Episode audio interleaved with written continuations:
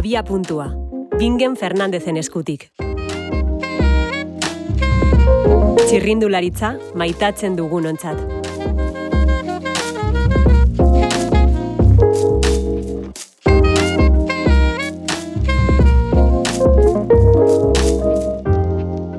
Egun eguzkitsua ardenetako azken lasterketarako.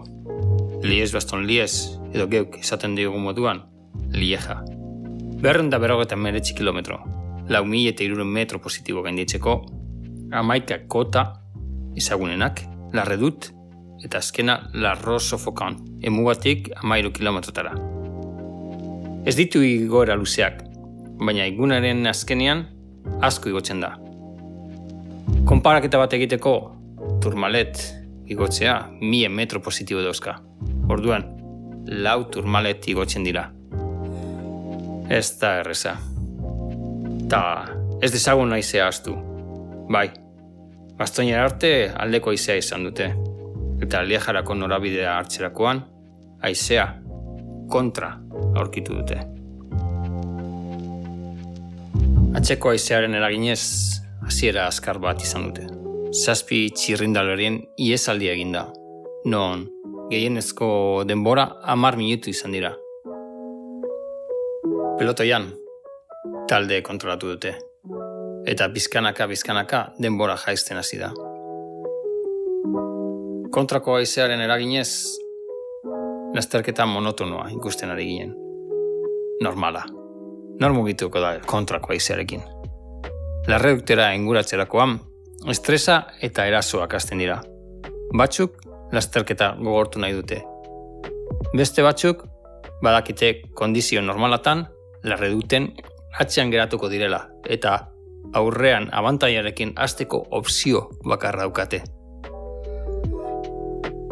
Larredukten aurreko taldean ez pasaude. Txau.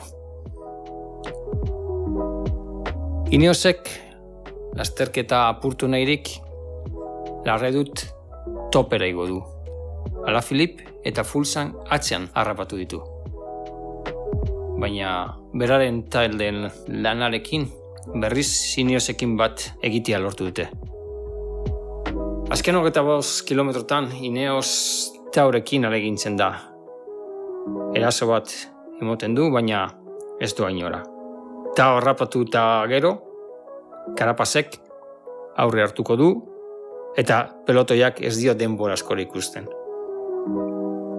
Larroso fokanen, azkenegoko aldapan, uaek lasterketa gogortzen du. Karrapaz harrapatu, eta honen selekzio egiten da. Roglitzek ezin du jarraitu, eta aurrean, Woods, Ala Filip, Gudu, Pogatzar eta Balberde geratzen dira.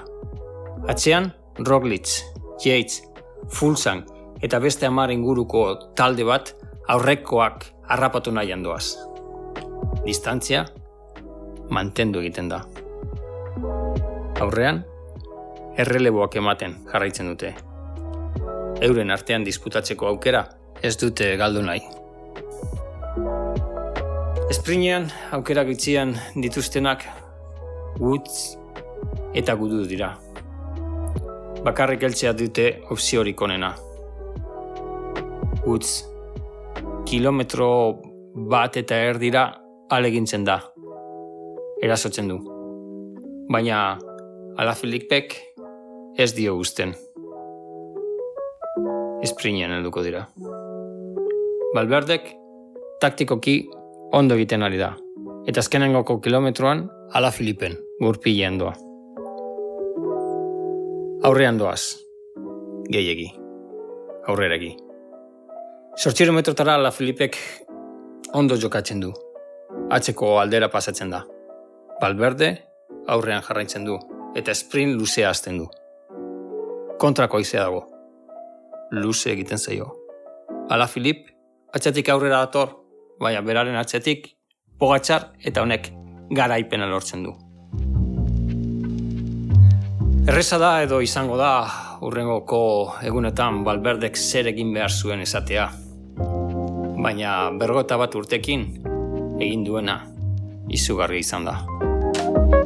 Ta nire aitak Beti esaten duen moduan, después de visto los huevos, macho. Eskerrik asko eta egunon bat izan.